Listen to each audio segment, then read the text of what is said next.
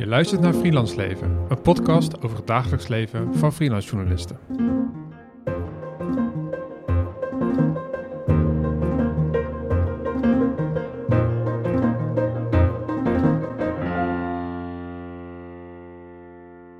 Leuk dat je luistert naar weer een nieuwe aflevering. Uh, Erwin en ik zijn naar de redactie eh, van Vers Beton gekomen om te praten met freelance journalist uh, Sally Kilic. Foto, freelance fotojournalist moet ik zeggen. Uh, Sally, kan je wat vertellen over wat jij uh, zoal doet aan werkzaamheden? Ja, uh, hallo allemaal. Ehm, ik ben Sally Kilic dus. Ik ben freelance fotograaf, onder andere bij Vers Beton, waar ik fotojournalist ben. Daarnaast in mijn commerciële praktijk ben ik ook theaterfotograaf, dus ik heb een, een gemengde praktijk in dat opzicht. In mijn vrije werk heb ik onder andere burgemeester Abu Taleb 2,5 jaar achter de schermen gevolgd om daar een documentaire serie over te maken. En uh, ja, dat, dat is wel een, een, kleine samenvatting, denk ik. Ja, heel goed. Uh, ja, Erwin, voor het eerst dat we een uh, fotojournalist in de aflevering hebben. Ja, ja want um, jij zei ook, Sanne, zei een keer van... ja, we hebben eigenlijk helemaal nog geen fotojournalisten gehad. Nee, klopt. En het kwam eigenlijk ook omdat ik Sally sprak op een, een bijeenkomst van Vers Beton. Oh ja, dat is waar. En uh, die zei, leuk zo'n podcast over het freelance leven, maar heb je dan ook fotografen gehad? nee, maar, maar, bij deze, hè, we hebben een, hebben een fotojournalist in de podcast. En zoals altijd heb ik natuurlijk weer een wetenschappelijk paper meegenomen, wat de aanleiding is voor het gesprek. En deze keer is dat, en dan ga ik het gewoon oplezen... The Future of Professional Photojournalism, Perceptions of Risk. En het werd geschreven door Adrian Hatland, Paul Lambert en David Campbell. En het werd in 2016 gepubliceerd in Journalism Practice. En wat hebben de onderzoekers gedaan? Uh, ze hebben, zeggen ze zelf, maar dat zeggen onderzoekers zelf altijd. Ze hebben iets bijzonders gedaan en iets unieks gedaan. en dat is een hele grote survey onder fotojournalisten. Um, hebben ze uitgezet en daarin hebben ze vooral gevraagd van waar maken fotojournalisten zich zorgen over in de dagelijkse praktijk. Nou, er zijn allerlei antwoorden uitgekomen. Daar gaan we het zo meteen natuurlijk over hebben, hè, wat die mm -hmm. zorgen dan precies zijn. Uh, maar wat ik vooral um, interessant vond, is dat in de introductie van de studie zeggen ze dat ze op zoek zijn gegaan naar onderzoek naar fotojournalisten. Hè, om te kijken van oké, okay, wat moeten we nou precies vragen? Uh, wat, is, uh, wat is handig? Uh, wat is handige informatie om mee te nemen in deze studie? En de conclusie is eigenlijk dat ze maar een paar studies konden vinden. Dit is wel in 2015 natuurlijk. Um, die specifiek gingen over fotojournalisten, laat staan freelance uh, fotojournalisten.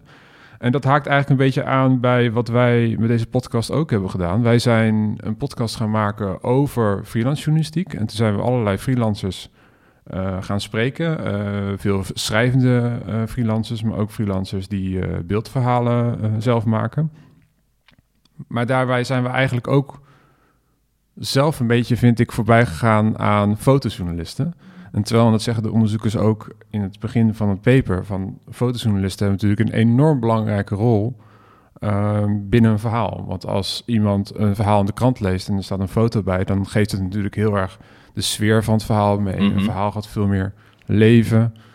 Um, als, als je de foto ziet. En het doet ook heel erg veel met de framing van een verhaal. Ja. Hè? Wat voor foto er gekozen wordt. Hoe ziet hij eruit? Hoe kijken mensen op de foto? Um, dus dat vond ik wel opvallend. Dat wij dat eigenlijk onbewust ook een beetje hebben gedaan. En dat het ook geconstateerd wordt in de wetenschappelijke wereld. Dat er weinig onderzoek naar is. Um, ja, dat wil ik gewoon echt even, even gewoon goed benadrukken. Dus eigenlijk is de oproep uh, naar iedereen die luistert van... vergeet de fotojournalisten niet. Ja, belangrijk. um, en uh, nou ja, even heel kort, heel concreet, wat hebben ze nou precies gedaan? Um, er is een survey dus uitgezet en ze hebben uh, daarmee, de onderzoekers hebben daarmee de samenwerking gezocht met de World Press Photo Foundation... En er zijn iets meer, iets meer dan 5000 fotografen uit 100 landen hebben zich ingeschreven uh, voor de World Press Photo uh, competitie. En aan hun is die survey uitgezet en ongeveer een kwart daarvan, en dat is best wel een hoge respons voor een survey online, heeft daarop gereageerd. Dus het is alles wat we nu gaan uh, bespreken is gebaseerd op ongeveer 1500 respondenten. Um, Dus dat, ja. En, en wat vooral opvallend is, is dus dat er is gevraagd naar... ehm, oké, hoe zie jij de toekomst van fotojournalistiek? Eén. En twee, eh, welke risico's ervaar jij in jouw dagelijks leven? En nou ja, ik zou eerst wel eens een... Wat, wat is je eerste reactie op deze survey? Je hebt, je hebt er ook naar gekeken natuurlijk. Ja, ehm, nou eigenlijk het eerste wat mij opviel eh, is dat ze een vrij uitgebreid eh, scala aan uitdagingen en ehm, nou ja, zaken die bij fotojournalisten angst kunnen opwekken, hebben ze beschreven. En eh, inhoudelijk lijkt het onderzoek vooral te gaan over ehm, lichamelijk gevaar en, en nou ja, werkelijk grote, grote zaken die een fotojournalist kunnen overkomen. Uh, ook wat financiële risico's. Um, maar bijvoorbeeld wat ze in de introductie benoemen, de, ja, ik zou willen zeggen de democratisering van de fotografie. Hè. De, iedereen heeft een camera op zak tegenwoordig. En is dat een bedreiging voor fotojournalisme als, uh, als beroep, weet je? Um, nou, daar, daar, hebben ze het verder niet over, maar um, ja, nou, dat, dat is wel wat me, wat me opviel. Er, er is natuurlijk een heel breed scala aan, aan zaken die uh, het werkveld ja, anders maken in de afgelopen tien jaar alleen al en eigenlijk langer. Ja, het viel mij ook op dat dat dan inderdaad nu nog een soort... Het is 2015 dat het onderzoek uh, werd gedaan. Dat er daar echt nog wordt gekeken naar wat zijn dan die, die factoren van wat jij de, mooie de democratisering van de fotojournalistiek noemt. Um, dat is nu natuurlijk eigenlijk nog veel meer aanwezig. Zeker. Um, merk jij dat ook in je werk? Heb je, uh, heb je daar last van? Of is dat. Uh, of, uh, hoe zie je dat? Mm, ja, het, het is heel grappig. Um, kijk, als, als commercieel fotograaf heb ik bijvoorbeeld ook best wel wat bruiloften gedaan. En daar heb je eigenlijk iets heel vergelijkbaars gezien. Um, nou ja, ik denk dat het gewoon goed is om even uit te leggen wat er gebeurde. Uh, ik denk dat je ergens begin tussen 2000 en 2010, toen kwamen er uh, spiegelreflexcamera's uit, die eigenlijk qua kwaliteit gewoon niet onderdeden voor professionele camera's. Nou, wat er gebeurde is dat iedereen zijn neefje of nichtje even een bruiloft liet fotograferen, want hè, de camera's waren zo goed en diegene doet het veel. En wat ik merkte is dus dat er eigenlijk een, een grote teruggang was van professionele bruiloftfotografie. En dat vijf jaar later mensen door hadden dat een neefje of nichtje misschien niet zulke mooie foto's maakt. En dat die trouwfoto's wel een leven mee moeten gaan. en dat er eigenlijk zo'n hele diepe dip was door eigenlijk een economische of een technologische vooruitgang. En dat mensen doorkregen van, oh, maar het heeft wel degelijk waarde om iemand die dit dag in dag uit doet in te huren. Want ik wil die foto's over twintig jaar nog steeds kunnen waarderen. En ik denk dat dat ja, in de fotojournalistiek, uh, ik kan me dezelfde discussies herinneren rondom, weet je, dat de, de, de Metro en de Spits als kranten uitkwamen. En uh, dat zij uh, open calls deden naar lezers van stuur je foto's in. Nou ja, de, de, de resultaten, wat mij betreft, waren dat je, als je, als je een, een gethemateerde foto wil hebben, nou ja, als je dat 10.000 mensen vraagt, zit er heus wel eentje tussen die gewoon een goede foto kan schieten de waarde van mij als professioneel fotograaf is dat ik gegarandeerd ergens kan opkomen dagen en een goede foto schiet. Um, ik kan me ook een verhaal herinneren van een fotograaf die zei: Het enige verschil tussen een professionele fotograaf en een amateur is dat een amateur uh, misschien eens in zijn leven of eens in de tien jaar een meesterlijke foto kan schieten, per ongeluk. En dat ik dat als professional elk uur moet kunnen doen. En dat is waar ik mijn geld mee verdien. Dus in dat opzicht, ik zie het niet zozeer als een bedreiging. Nou, zeker niet in de fotojournalistiek, omdat je ook echt vaardigheden moet bezitten. Die, hè, je moet inzicht hebben in het onderwerp. Je moet weten hoe je met mensen moet omgaan in, in situaties waar ze zich niet per se veilig of fijn in voelen. Um, dus dat zijn allemaal vaardigheden die niet iedereen zomaar gegeven zijn. Duidelijk, ja. Dus dat, dat, dat, dat je uh, nog meer van meerwaarde bent binnen de fotojournalistiek, dat snap ik dan wel. Wat vind je dan van het gegeven dat uh, in onderzoeken fotojournalisten zo vaak vergeten worden? Ja, nou ja, het is. Het is uh, kijk, Merk je dat ook op de werkvloer? Ja, nee, zeker. Als in binnen, binnen de journalistiek. Het geschreven woord is leidend ten alle tijden. Um, hier bij Vers Beton, maar ook bij, uh, bij de, de, nationale dagbladen. Ehm, ik word gebeld omdat er een artikel geschreven wordt. Eh, het is zelden tot nooit dat eh, er een fotografisch thema bijvoorbeeld wordt aangedragen van hey, wil je dat onderzoeken? En dan gaan we er een tekst bij schrijven. Dus om, ik denk omdat we zelden het begin, eh, beginpunt zijn van, van journalistiek. Ehm, en, en dat we ehm, een vrij zelfstandig en ik zou willen zeggen eenzaam beroep hebben. Ehm, dat zorgt ervoor dat, eh, dat, ja, dat we misschien een beetje over het hoofd worden gezien. Ja. Hoe zouden jullie verklaren waarom dat zo is? Oeh, goeie vraag. het is, eh, Ik stel de vraag omdat ik zelf ook geen paraat antwoord heb en hoop dat jullie wel iets hebben. Nou ja, natuurlijk. kijk, historisch gezien, eh, journalistiek is geschreven. Het is, het is zeg maar, als je, als je kijkt historisch gezien naar hè, de kranten en dagbladen. De fotografie is, is een laatkomertje in, in vergelijking met eh, de geschiedenis van, eh, van eh, de journalistiek. Ehm, en ik denk dat mensen het ook best lastig vinden mm, om fotografie en het proces wat daarbij komt kijken, hè, om iets te onderzoeken in fotografisch opzicht, omdat, omdat ehm, hoe zeg je dat? Om dat als beginpunt te nemen, simpelweg.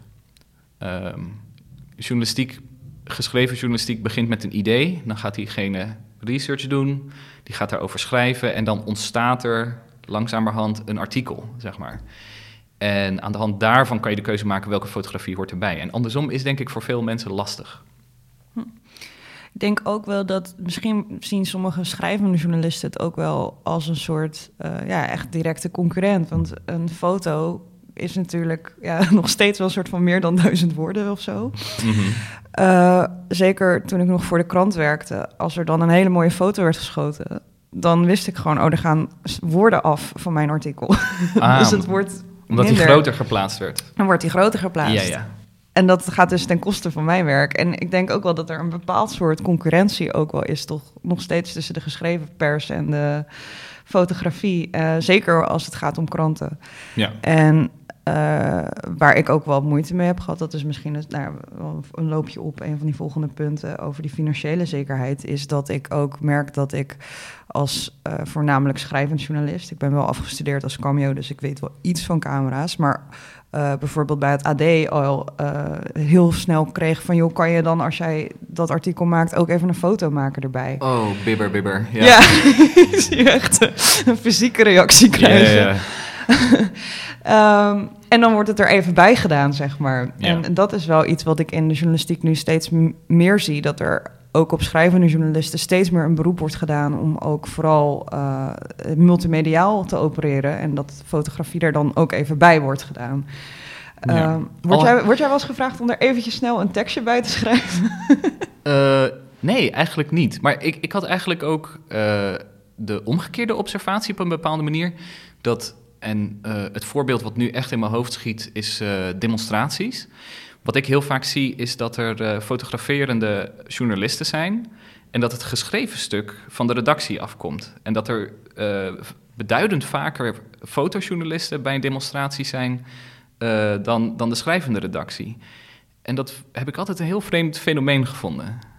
Het haakt denk ik ook wel mooi aan bij de risico's die ondervraagd zijn in de survey. Mhm. Want inderdaad, ik denk ook wel dat fotografen, eigenlijk, maar dit is gewoon, gewoon wat ik dan denk. Hè? Als je vaker bij demonstraties bent en Hmm. met een camera, is iets anders dan met een klapblokje, dan loop je gewoon meer risico dat iemand even lelijk tegen je doet. Mhm. dan wanneer je redelijk anoniem zo er kan staan en kan, en kan observeren. Ehm, nou, aan de hand van al die eh, respondenten, die 1500 respondenten, is er een lijstje opgesteld eh, met dingen waar fotojournalisten zich het meest zorgen over maken. En zo geeft, eh, zo geeft eh 40% van de respondenten, van de mannelijke respondenten moet ik zeggen, Mhm. eh, nou, laten we zeggen gemiddeld eh 35% aan dat ze bang zijn dat ze gewond raken of eh, dood kunnen gaan zelfs. En wat ik heel opvallend vond, er zat een heel rijtje, die komen misschien zo meteen nog wel te sprake, is dat waar ze alle wereldwijd de fotojournalisten zich het meeste zorgen over maken, is eh erratic income. Ja. Is dat iets wat jij herkenbaar vindt in jouw dagelijks... eh, Ja, absoluut. te staan? Ehm, kijk, het is, ook, het is ook absoluut niet voor niets dat ik een gemengd, gemengde beroepspraktijk heb. Ehm, ik vind het nog wel eens krankzinnig dat ik een halve dag aan het werk kan zijn voor een krant en de helft verdien van een theatervoorstelling te fotograferen, die ik in anderhalf à twee uur fotografeer. En nou ja, beide hebben een publieke functie, hè, cultuur en journalistiek. Maar ehm, het lijkt er wel altijd op dat er in de journalistiek beduidend minder geld beschikbaar is. Ik heb ook wel eens op een avond gestaan waarin een foto eh, tijdschrift werd ge- gepubliceerd, gelanceerd. En dat ik daar met een fotograaf die twee keer de zilveren camera heeft gewonnen, een gesprekje hield over dat hij afgelopen week minder geld had verdiend dan dat hij uit moest geven aan verkeersboetes, omdat hij op vier plekken in het land moest zijn. Oh ja, ja. En dat vond ik wel echt een eng verhaal. En, en de beste man was echt afhankelijk van zijn inkomen uit fotojournalistiek. En ik heb wel vrij vroeg doorgekregen dat als ik, hè, eh, bedoel, als ik een bruiloft kan schieten voor 1500 euro, daar kan ik wel ook tijd voor kopen om andere dingen de- te doen die ik belangrijk vind. ja. En zo heb ik het voor mezelf ehm, ingericht. En ik heb al vrij snel doorgehad dat ik mezelf niet afhankelijk wil maken van de kranten of eh, eh, nieuwsredacties in dat opzicht. Ja, wat ik wel mooi vind eh, aan, aan hoe jij dit allemaal verwoordt, is dat, ehm, dat dit is natuurlijk een, een survey die een heel breed beeld geeft van risico's die eh, fotojournalisten zien. En heel erg kwantitatief, of eigenlijk het is gewoon kwantitatief, er is gewoon geteld. Ehm, en wat zo'n één zo'n gesprek met een fotojournalist zoals jij al eigenlijk toevoegt, is heel erg die kwalitatieve dimensie. Zo van hoe voelt het dan om die risico's te navigeren? En wat Mhm. voor keuzes maak je dan? En waarom maak je die keuzes? En. Dat, daarom wilde ik eigenlijk ook per se dit onderzoek doen hè, met gewoon echt één iemand, dat we echt erover konden praten. Omdat je dan, dan ehm, echt zo mooi die kwalitatieve dimensie eraan kan toevoegen. Want die cijfers die zijn natuurlijk, ik vind ze wel alarmerend, maar het zegt ook heel weinig over hoe mensen zich in de praktijk echt voelen. Ja, ja en wat ik ook, eh, volgens mij beschrijven ze ook ergens de, de verschillen tussen de Europese fotografen bijvoorbeeld en die in eh, Noord-Amerika en Zuid-Amerika en Azië, geloof ik. Ehm, nou ja, dat, dat herken ik ook. Als in, eh, ik denk dat fotografen die bijvoorbeeld in Nederland een fysiek risico zien, dat dat meer gaat over. ehm, ik wil mijn oog niet, nou ja, dat is misschien een heftig voorbeeld, maar ik wil niet lichamelijk gekwetst raken op een manier dat ik mijn inkomen niet meer kan garanderen. Terwijl, ehm, nou ja, even voor de luisteraars eh, een beetje context. Mijn vader komt uit Oost-Turkije, hij is een Koerd. Ehm, als ik naar Turkije ga, heb ik andere fysieke risico's die ik eh, met me meedraag als ik daar ga fotograferen. Als ik naar mijn vaders dorp ga om daar portretten te schieten van mijn familieleden, dan moet ik langs een checkpoint waar een machinegeweer op me gericht staat en dan moet ik op tijd met de auto remmen.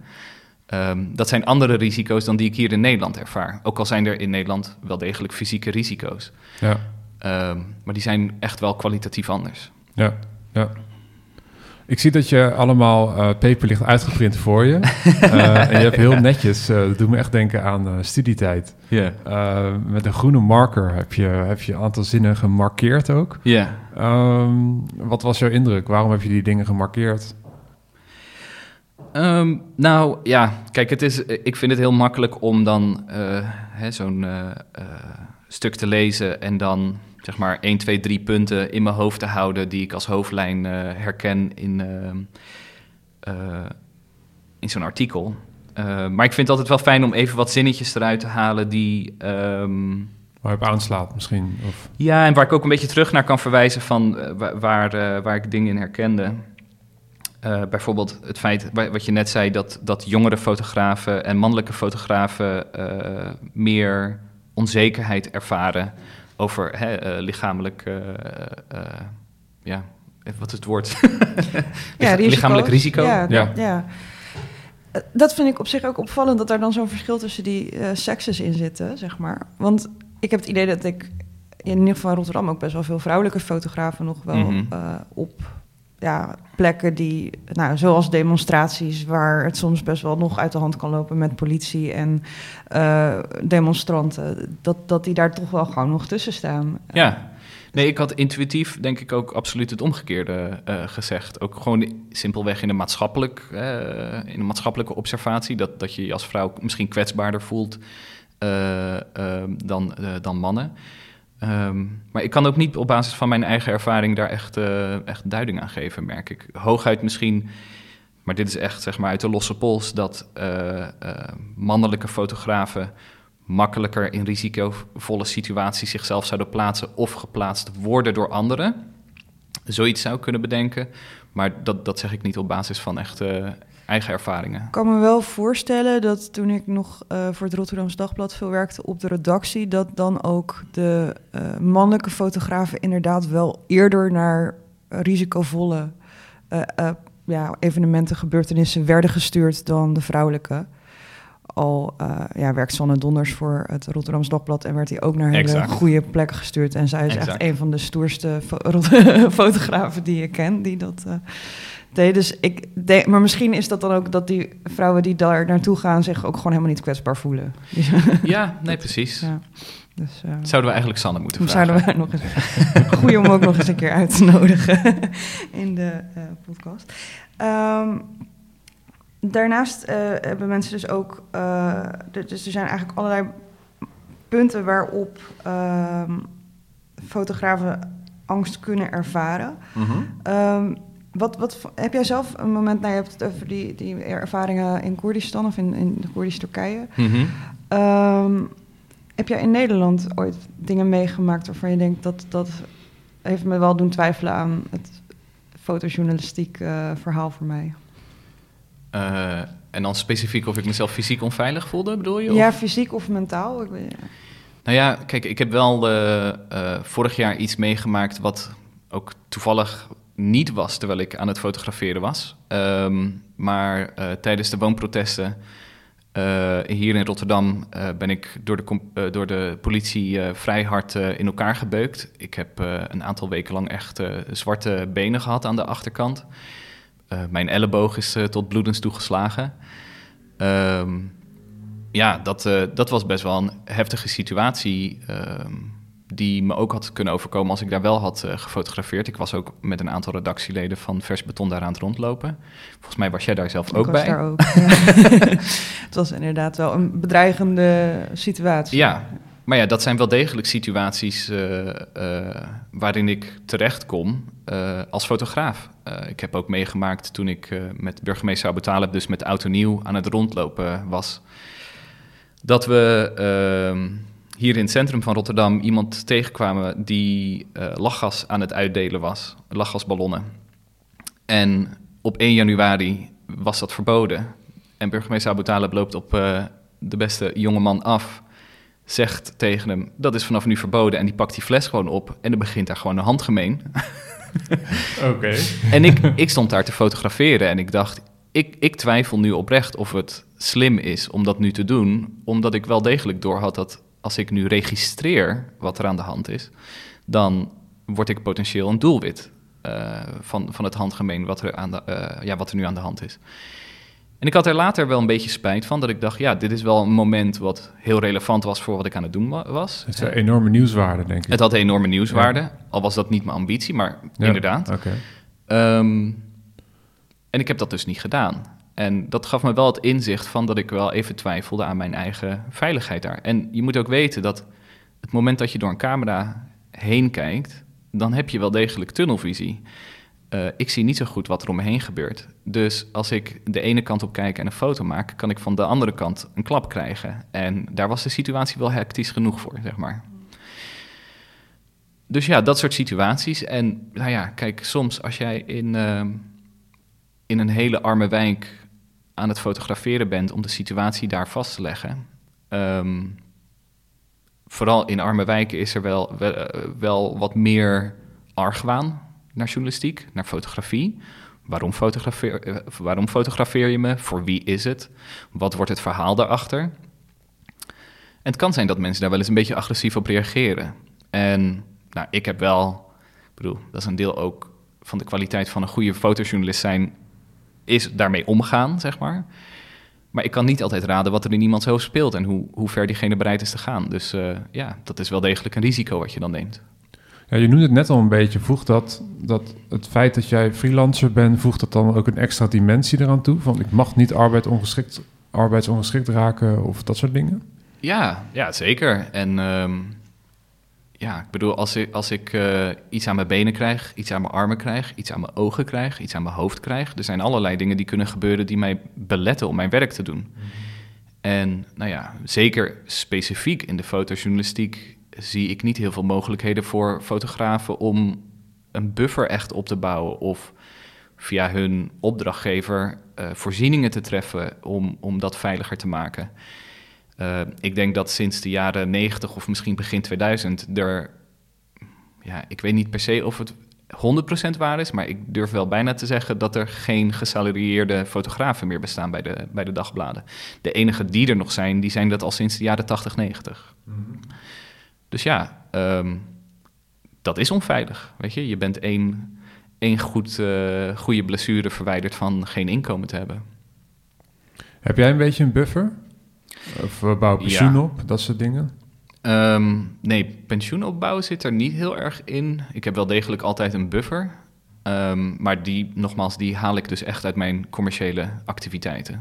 Ja, dat is, uh, even kijken naar het, naar het staatje weer met risico's. Dat zegt uh, 30% van alle fotojournalisten uh, hebben gezegd dat ze zich ernstig zorgen maken over hun pensioen. Dus dat is echt een derde uh, van alle ondervraagden. Ja, nou moet ik zeggen dat ik me daar ook zorgen over zou maken als ik wel in salaris in een salarisconstructie zou werken.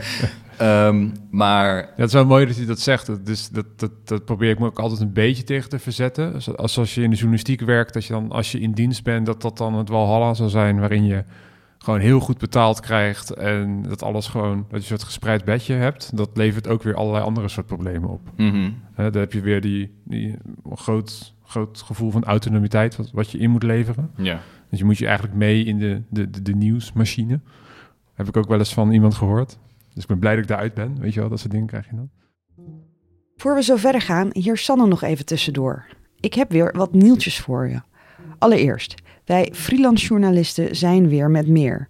Het aantal ZZP'ers in de journalistiek heeft een nieuw record bereikt. Op 1 januari stonden er 7049 actieve freelance journalisten ingeschreven in het handelsregister van de KVK. Volgens vakblad Villa Media is die stijging wel aanzienlijk lager dan in eerdere jaren. Het aantal freelance journalisten lag op 1 januari 2023 namelijk 1,7% hoger dan begin 2022. Terwijl in 2021 het aantal ZZP'ers in de journalistiek steeg met 4,77%.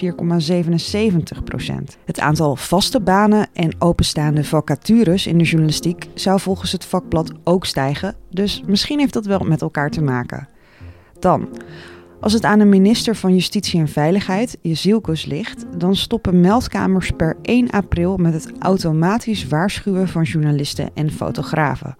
Voor veel persfotografen zijn die meldingen, dus die P2000-meldingen, erg belangrijk voor hun inkomen. Vertegenwoordigers van de NVJ en het genootschap van hoofdredacteuren gaan 21 februari in gesprek met minister Jezielkus in de hoop dat ze samen tot een oplossing komen voor het stoppen van persalarmeringen. En tot slot wijs ik graag nog eens op de indexatietool van de NVJ.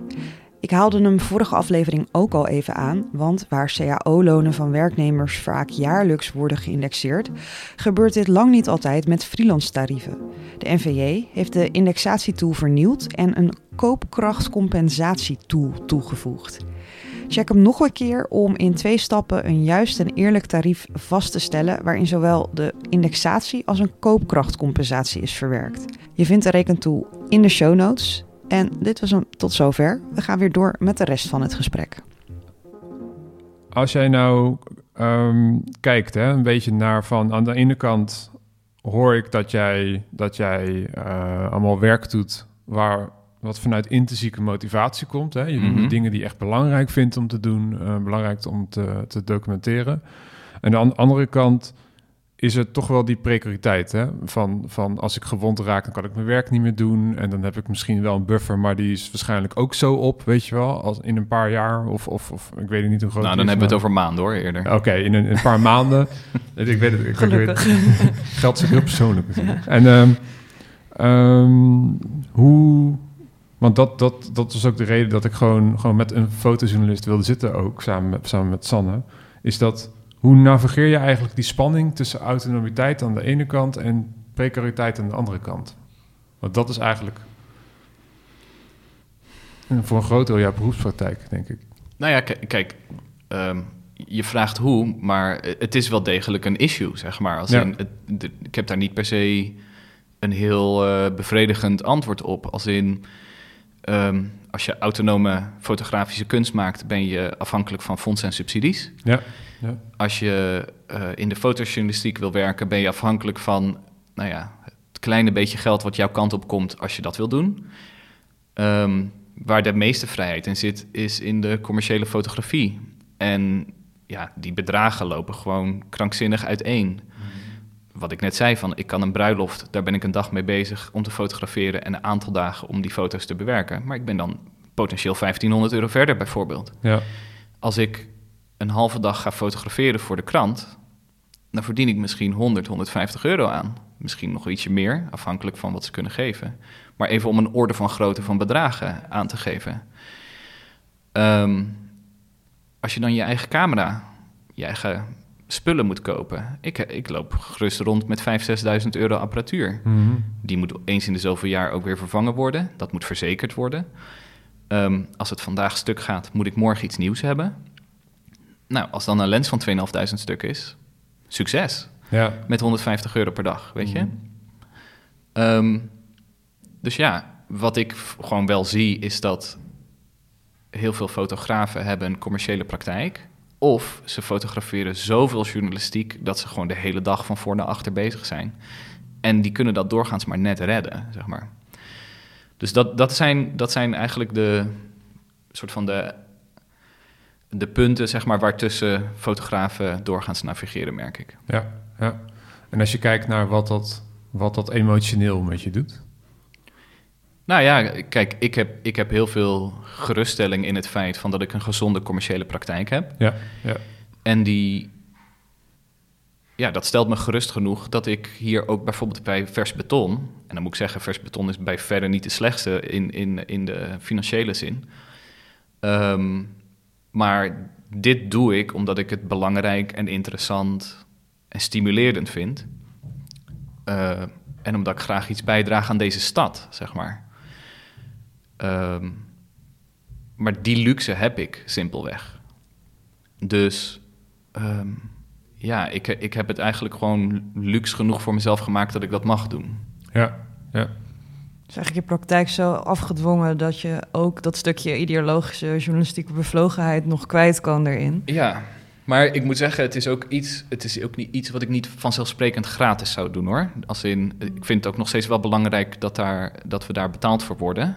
Eh, journalistiek moet geen vrijwilligerswerk zijn in dat opzicht. Mhm. Ja, journalistiek heeft een prijs. Dat, eh, dat blijft ook zo. Doe jij ook nog, eh, want dat vroeg me ook wel af, ehm aan indexeren elk jaar? Eh, is, dat, is dat gebruikelijk in de fotojournalistiek? Eh, in de commerciële fotografie, ik heb het zojuist gedaan, zeg maar, een inflatiecorrectie. Het ding is ook, wat ik vaak merk in, bij commerciële partijen, is dat 50 euro meer of minder per uur kan ze echt niet boeien. Eh, doorgaans word je gevraagd omdat je in, eh, in, de, in het adresboekje zit, of omdat ze je kennen, of omdat ze je vertrouwen in een bepaalde stijl of continuïteit. Ehm, dus als je eenmaal binnen bent, dan komt dat wel goed. Ik heb mijn observatie binnen de fotojournalistiek is dat je simpelweg krijgt wat je krijgt. Daar zit heel, daar zit heel weinig onderhandelingsruimte in. Sterker nog, ik denk dat heel vaak, als ik ingehuurd word, dat, dat er heel vaak verontschuldigende woorden mijn kant op komen van we willen je heel graag, maar we hebben maar dit. En ik kan daar niet zoveel aan doen. Dus als ik zeg, nou, ik doe het alleen maar voor 100 euro meer of voor 50 euro meer, dan bellen ze gewoon iemand anders. Mhm. Want er is ook iemand anders voor die eh, dat Ja, voor minder doet Ja. elke keer. Ja, er is wel iets, dat, dat, dat, vind ik wel interessant om te vragen nu. Eh, we, we hebben dus een survey waar die zegt van... oké, er zijn echt... fotojournalisten zeggen... eh, we zijn grote risico's. eh, risico om gewond te raken. eh, risico met pensioensopbouw. Ik even naar het lijstje te kijken. ehm, Nou, we hebben het al gehad over uh, risico met pensioensopbouw. Not providing for family was ook een grote. Uh, no sufficient benefits. Um, en eigenlijk dat, dat is wat, wat vrij veel onderzoek uh, doet. Um, is, het is een soort alarmerend iets. Hè? De, de fotojournalistiek loopt gevaar en de fotojournalisten lopen gevaar op allerlei verschillende soorten manieren. Um, als je dan een gesprek voert met een, met een freelancer, en dat hebben we eigenlijk met, met alle freelancers al weinig gehad, mm -hmm. dan, dan hoor je dat. Ja, dat ervaar ik. Maar aan de andere kant hoor je ook die enorme intrinsieke motivatie om het dan toch te blijven gaan doen. Ondanks de arbeidssituatie uh, zoals die nu, nu is en ervaren ja. wordt. Dus ik was wel benieuwd van waar komt die intrinsieke motivatie bij jou vandaan? Um, om te fotograferen specifiek of binnen de fotojournalistiek? Ja, of misschien wat abstracter. Je wil verhalen vertellen met je foto's. Ah, zo. Um, nou ja, kijk, zoals ik net zei, ik kom uh, uh, uit een gemengd gezin. Een Nederlandse moeder en een Turks-Koerdische vader. Um, uit een gemengd gezin komen heeft als gevolg dat je uh, jezelf een identiteit moet aanmeten die nooit volledig bij de ene kant van de familie of bij de andere kant van de familie tot uiting komt. Wat je dan leert doen is mensen observeren en hoe zij functioneren binnen een bepaalde context of omgeving. Um, op mijn website staat ook een tekstje over hoe ik micro-samenlevingen ja, fotografeer. Heb gelezen, ja. ja. En ik ben ook absoluut in de overtuiging dat mensen, afhankelijk van de, de plek waar ze zijn, een bepaald uniform dragen. Dat als jij naar je werk gaat, dan gebruik je misschien zelfs een hele andere taal, een hele andere etiketten um, dan thuis. Ik bedoel, dat is evident. Uh, maar als je uit twee hele verschillende culturen komt, is dat verschil nog veel groter. En wat ik mijn hele jeugd heb gedaan, is de ene kant van de familie uitleggen waarom de andere kant van de familie niet gek is omdat ze een andere cultuur hebben. Dus dat heeft me wel een observatievermogen gegeven en een, en een, soort frame, een, een, een frame van denken, uh, die gewoon heel goed toepasbaar is in de documentaire fotografie en de fotojournalistiek. Hoe uit zich dat dan in het soort foto's dat je maakt? Heb je voorbeelden van projecten die daar heel goed aan aansluiten? Nou, ik ben iemand die. Um, ik zeg altijd: als je, uit een, als je uit een gemengd gezin komt, ben je overal welkom, maar nergens thuis. En dat is eigenlijk precies de rol die je als documentair fotograaf ook inneemt. Je hoort niet bij de groep waar je fotografeert. Je bent te gast. Je bent welkom, anders mocht je daar niet fotograferen. Maar je bent ook niet thuis. Dus um, je bent niet zo onderdeel van de in-crowd dat je de gemakkelijke en ongemakkelijke waarheden niet meer kan vastleggen. Dus ja, dat is, ik weet niet, zo zie ik ook mijn werk. Weet je, toen ik uh, uh, burgemeester Abu Talib achter de schermen fotografeerde, ik mocht werkelijk overal bij zijn. Uh, als in, ik heb bij vergaderingen gezeten over antiterreurmaatregelen, waarvan geen enkele journalist daar aanwezig mocht zijn. Ik was daar ook niet als journalist aanwezig, maar als documentair fotograaf. Um, maar omdat ik mezelf die rol aanmeet, gaf dat ook de ruimte, de vrijheid en de veiligheid om mijn aanwezigheid daar te rechtvaardigen, weet je. En ik, ik mocht dingen vastleggen die ik ook hè, over een tijdje dan ga delen, die anderzijds onzichtbaar zouden zijn voor de gemiddelde Rotterdammer. En dat vind ik heel belangrijk en dat vind ik heel mooi en dat vind ik heel interessant. Ik bedoel, niks spannenders dan achter de schermen ergens te mogen kijken, weet je, om het gordijn weg te trekken en naar Mhm. binnen te koekeloeren. Ja. Ehm, ja, dat, dat doe ik heel graag. Ja. Ja, ja. ja heel mooi. Dat is, dat, dat is iets wat ik altijd wel belangrijk vind om te vragen. Omdat het, als het over freelance gaat, of het nou de wetenschap is of, of, uh, of gewoon in, in beroepsliteratuur, dan is er een soort van moord en brand. En er zijn ook echt problemen. En het is ook echt belangrijk om het te hebben over de, de, de, de inrichting van de politieke economie van freelance werk. Ja. Maar ik vind het ook heel belangrijk om dan toch altijd wel even te gaan... oké, waarom, waarom blijven we dit dan doen? Waarom blijven individuen dit doen? Ook in een freelance um, capaciteit. Ja, ik, en ik, ik bezit gewoon ook niet het vermogen om vijf dagen in de week van negen tot vijf in een kantoor te lopen en elke dag hetzelfde gebouw van de binnenkant te zien. Ik zou, ik zou dat werkelijk niet overleven. Dus ja. zeg maar, ik denk dat, dat eerder ook, risico. ook een risico. Ja, ja. Ik denk dat het alternatief gevaarlijker is dan zeg maar tijdens een demonstratie met mijn camera ergens staan en gewoon volledig geprikkeld en gefascineerd en weet je. Ja, precies. Ik bedoel, ja, ja, mijn brein is daar wel heel blij mee. Ja. dus, je vindt, wat, dus wat maakt het het leukst, uh, dat uh, fotojournalistiek voor jou? Nou ja, ik heb, ik heb gewoon werkelijk waar het privilege om door de samenleving heen te mogen lopen en dingen te zien die andere mensen in de krant zien. Ik, ik ben daar in de eerste persoon aanwezig. Weet je, ik hoef het niet via iemand anders te horen of te zien. Um, ik ben hier bij Vers Beton. Uh, hebben voor een reeks aan artikelen hebben we de route van de marathon uh, afgelopen, soort van. Um, en zijn we voor de gemeenteraadsverkiezingen zijn we mensen gaan interviewen in plaats van de fractieleden van de partijen over nou, wat vind je van uh, de afgelopen periode? Denk je dat zeg maar, de politiek er iets aan gaat doen? En heb je vertrouwen genoeg daarin dat je gaat stemmen? Nou, dat zijn echt wel harde vragen over de Nederlandse democratie, weet je. En om dan gewoon 50 man te spreken en hun te horen vertellen van. Ja, als in, wat ik fascinerend vond, is dat gewoon iets van zes mensen dezelfde zin uitspraken. Het wordt op een bureau bedacht en hier uitgevoerd. Ik heb daar werkelijk geen invloed op. Zeg maar in andere vormen, maar die zin kwam steeds terug. En toen dacht ik, oh, wow, ik heb gewoon even een soort van rode draad in de samenleving hier uh, voorbij zien komen. En dat gaan we, dat gaan we uitleggen. Uh, ja, dat, dat is gewoon heel mooi. Dat is gewoon mijn werk, weet je. Dat, uh, ja, dat vind ik echt te gek. Mm. Heb jij nog iets anders wat je opviel aan de survey? Iets, iets waar jij op aansloeg of waar je echt dacht van, nou ja... Dit moeten we even aansluiten of dit moet ik weer eventjes rechtzetten. Dit klopt niet in mijn ervaring. Dat kan ook.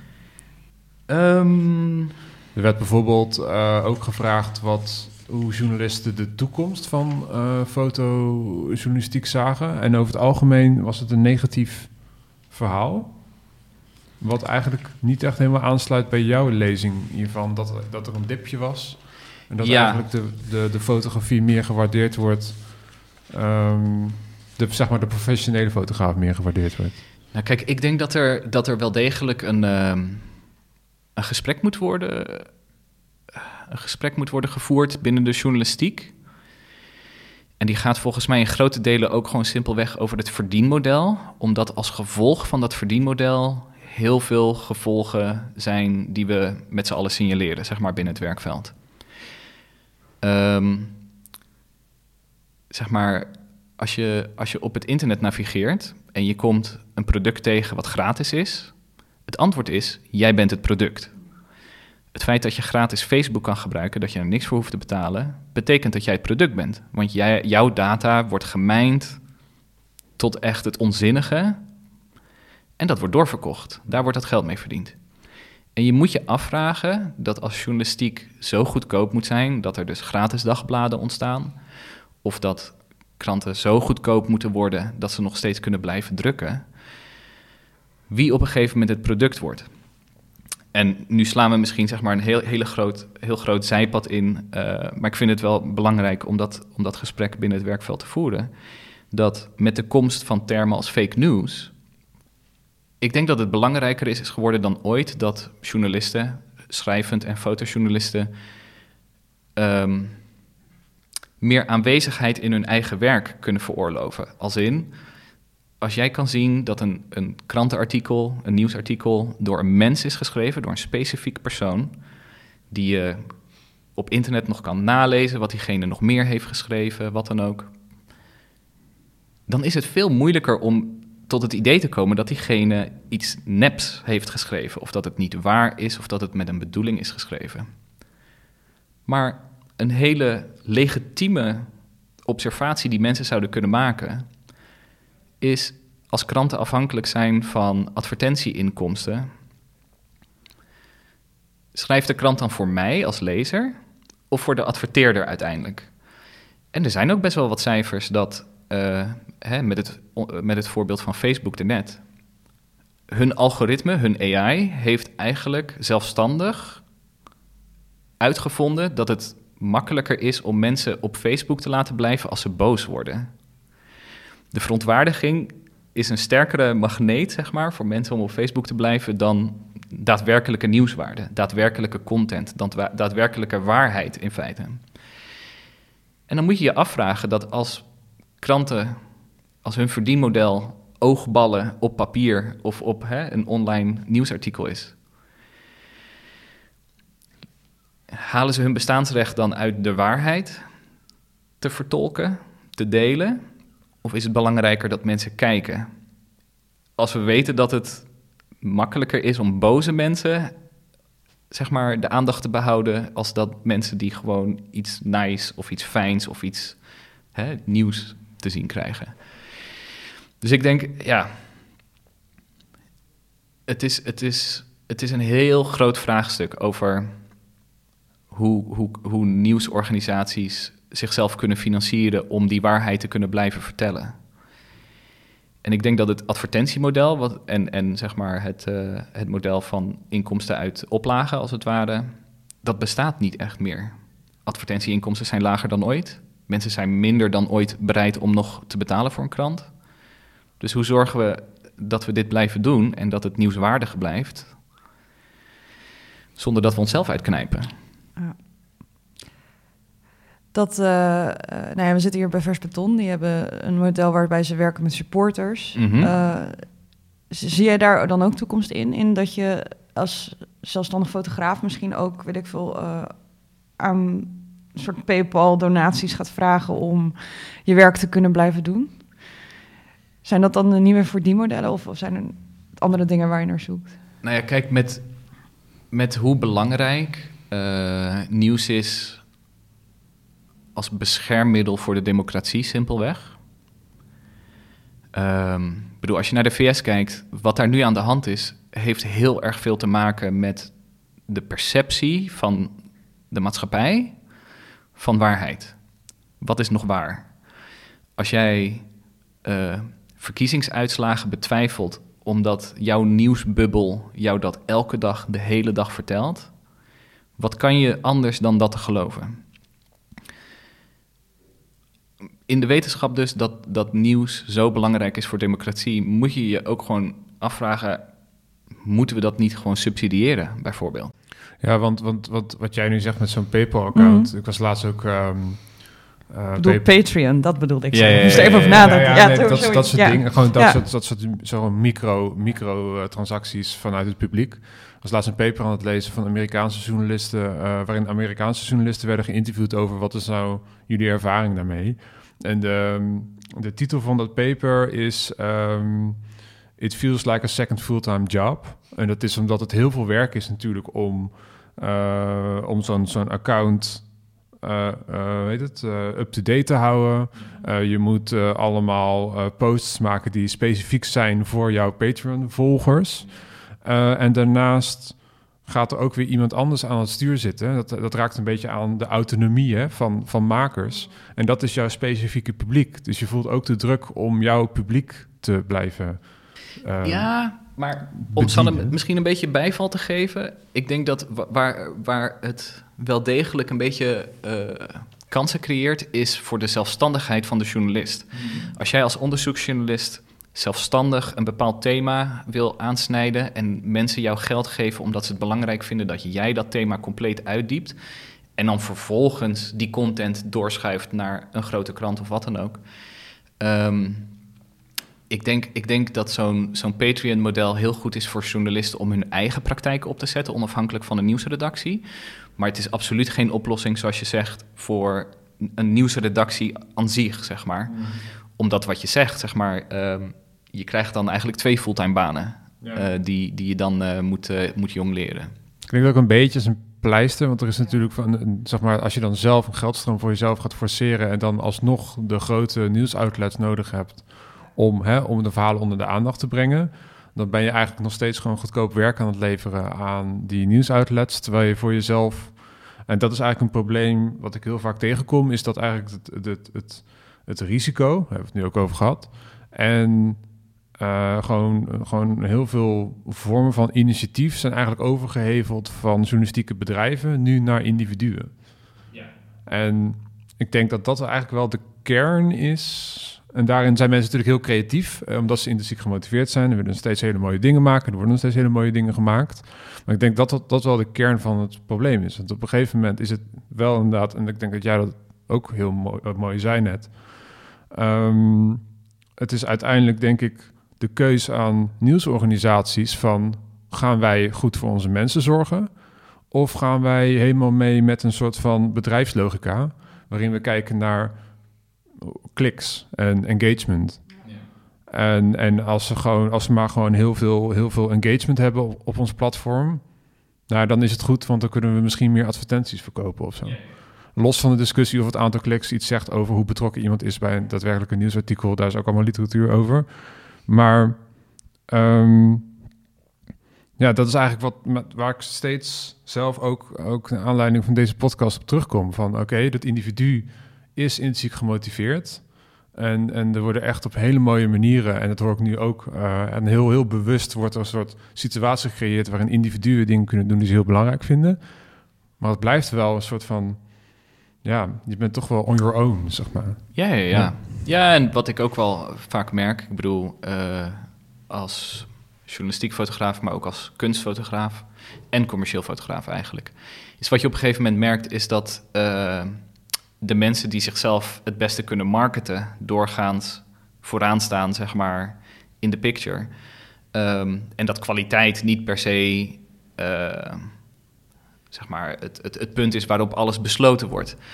Um, dus wat je ziet is journalisten die zichzelf goed in de picture kunnen werken, die goed zichzelf kunnen marketen, die een brand, brand voor zichzelf kunnen ontwikkelen.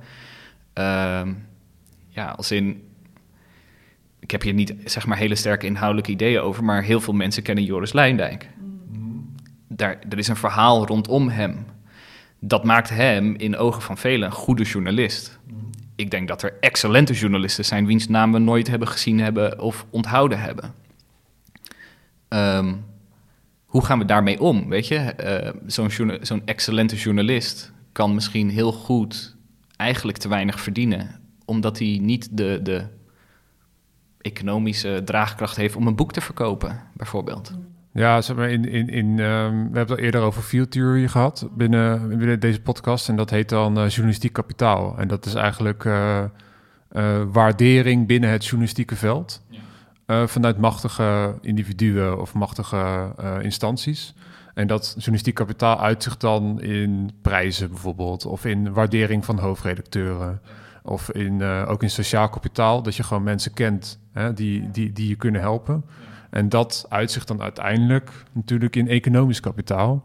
Omdat je dan kan zeggen van, nou ja, ik, ik ben wel zus en zo. Dus, dus het is wel normaal dat ik niet 150 euro krijg voor een foto, maar veel meer. En, en um, dat zie je ook wel in de journalistiek. Dat bepaalde mensen op een gegeven moment zo in die, in die ja, eigenlijk best. Ik vind het ook een beetje conservatief. Hè? Dat, dat, dat er eigenlijk maar een aantal hoofdredacteuren zijn en, en, en mensen die, die bewust of onbewust heel veel journalistiek kapitaal hebben. Dus eigenlijk over andere mensen kunnen zeggen van kijk, dat is iemand die heeft talent, die is jong, die is talent. En dat gaat zich dan. Dat gaat dan rondzingen op, op ja, ja, ja. Uh, allerlei. Uh, maar in de kunsten is dat exact hetzelfde hoor. Als in. Uh, curatoren hebben dezezelfde functie binnen de, binnen de kunsten. Ja. Als jij gecureerd wordt door een mooi goed museum, dan weet ik ook zeker dat je succes hebt elders. Ja. Um, maar zo'n curator hoeft helemaal niet een heel goede relatie te hebben tot het hele brede werkveld. Die functioneert ook binnen zijn eigen divisie van kunst, als het ware. De weg naar zo'n point, zo'n zo stamp of approval, zeg maar, van een hoog iemand, die is ook voor iedereen ongelijk natuurlijk. Ja. Hoe meer uh, mensen jij in je netwerk hebt zitten, hoe ja, ja, uh, makkelijker je daar komt. Ja, dat is ook wat ik, wat ik nu in mijn... Um, even de, even de, de, de, de, de PhD-pad op, zeg maar. wat ik ook nu operationaliseer als van... Oké, okay, ik, ik ga naar de, de journalistiek, uh, naar de journalistiek kijken en aan de ene kant heb je dus dat, dat al die verschillende machtsverhoudingen, die fieldtheorie, al die kapitalen, en die zijn allemaal vrij conservatief. Vrij conservatieve ideeën van een objectieve journalist. Uh, de waakhondjournalist wordt over het algemeen, is mijn indruk, hoger gewaardeerd dan de sportjournalist. Weet je, wat is een bijna een soort van hiërarchie die, die er is. Uh, dus in die zin is dat soort theorie heel handig. Aan de andere kant ehm, gebruik ik een theorie van Howard Becker. En dat gaat over de kunstwereld. En zijn, zijn these is eigenlijk van uh, kunst maak je nooit alleen. Dus bijvoorbeeld, er wordt wel eens gezegd van ehm, Picasso was briljant. En kijk wat een individu. Maar daaromheen is natuurlijk een hele wereld van connecties van mensen die allemaal zeggen van, nou ja, hij is briljant en uh, daarom kan hij in bepaalde, uh, heeft hij bepaalde kansen gekregen, uh, waardoor hij zijn werk verder kon ontplooien. Dus het zegt eigenlijk niet van individueel talent, talent bestaat natuurlijk wel, maar er is altijd een soort van wereld omheen van mensen die dat faciliteren. En wat je ook in de journalistiek ziet, is dat het toch wel vaak heel erg op de man wordt gespeeld van, kijk, dat is iemand die heel talentvol is of heel goed is. Maar daaromheen uh, zit natuurlijk gewoon een web van mensen die helpen. Um, die dat enabelen. En, ja, en die een platform geven. En uh, dus ik probeer eigenlijk aan de ene kant heb je journalistiek als een soort wereld die heel dynamisch is, waar constant mensen connectie met elkaar zoeken, samenwerken, elkaar gaan helpen. Dus de journalistiek aan de ene kant verandert het heel erg, zit er constant een soort veranderingen in en innovatie en weet ik veel wat. Maar aan de andere kant blijft de journalistiek, uh, journalistiek als een veld met die machtsverhouding heel erg hetzelfde, omdat al die conservatieve waarden maar actief blijven. Ja, en omdat we ook nog steeds zoveel waarde blijven hechten aan die conservatieve, of tenminste die traditionele vormen van journalistiek. Ja. Dus het hoogst haalbare is nog steeds het NOS-journaal of de, de, de Wereld Draait Doors, die, uh, ja. nu wel, uh, waar nu wel aan gezaagd wordt natuurlijk. Maar dat, dat werd ook gewoon heel lang de ja, de, de, Champions League van de journalistiek. Ja, dus het, het zegt ook, het zegt, het, ik zeg niet dat dat allemaal slecht is, maar eigenlijk is het dus een soort van paradox van dat, dat de journalistiek is heel dynamisch, maar tegelijkertijd blijft het ook heel erg hetzelfde. Dat is net als met bijvoorbeeld als je kijkt naar journalistieke start-ups, die zeggen allemaal van wij beginnen onze eigen start-up en we gaan het helemaal anders doen. En dan, wat krijg je dan? Gewoon een website, meestal met diepgravende onderzoeksjournalistiek, gebaseerd op een vrij... Uh, vrij, um, uh, hoe zeg ik dat? Een vrij orthodoxe journalistieke ideologie. Ja. Gebaseerd, gebaseerd op objectiviteit en autonomiteit en allemaal van dat soort dingen. En daar vind ik het ook mooi wat jij zei. Dus dat, dat van als je naar de journalistiek kijkt, dan kan je ook denken van nou, uh, er zit wel iemand achter die iets maakt. Mm -hmm. um, en dat is die intrinsieke motivatie. Ja. En die gaat toch wel vaak, vind ik, verloren in journalistieke werken zelf. Weet je wat de persoon erachter, waarom maakt iemand dit? Dus in film is dat veel ja, logischer. Om maar ook gewoon, kijk, uh, het ding is, uh, het liefst zouden we zien dat de journalistiek een, een, een, mooie weergave is van de maatschappij. Als in, in diversiteit bedoel ik dan. Mm. Nou, dat is verder van waar, uiteraard. Uh, de journalistieke sector is weinig gemengd, is zeker hoe hoger je in het segment komt, ook vrij oud. Dus en als, ik, als, ik kan, als ik kan zien dat een vrouw een artikel heeft geschreven over seksueel geweld, dan kijk ik daar anders naar dan wanneer een oude witte man dat heeft gedaan. Mm.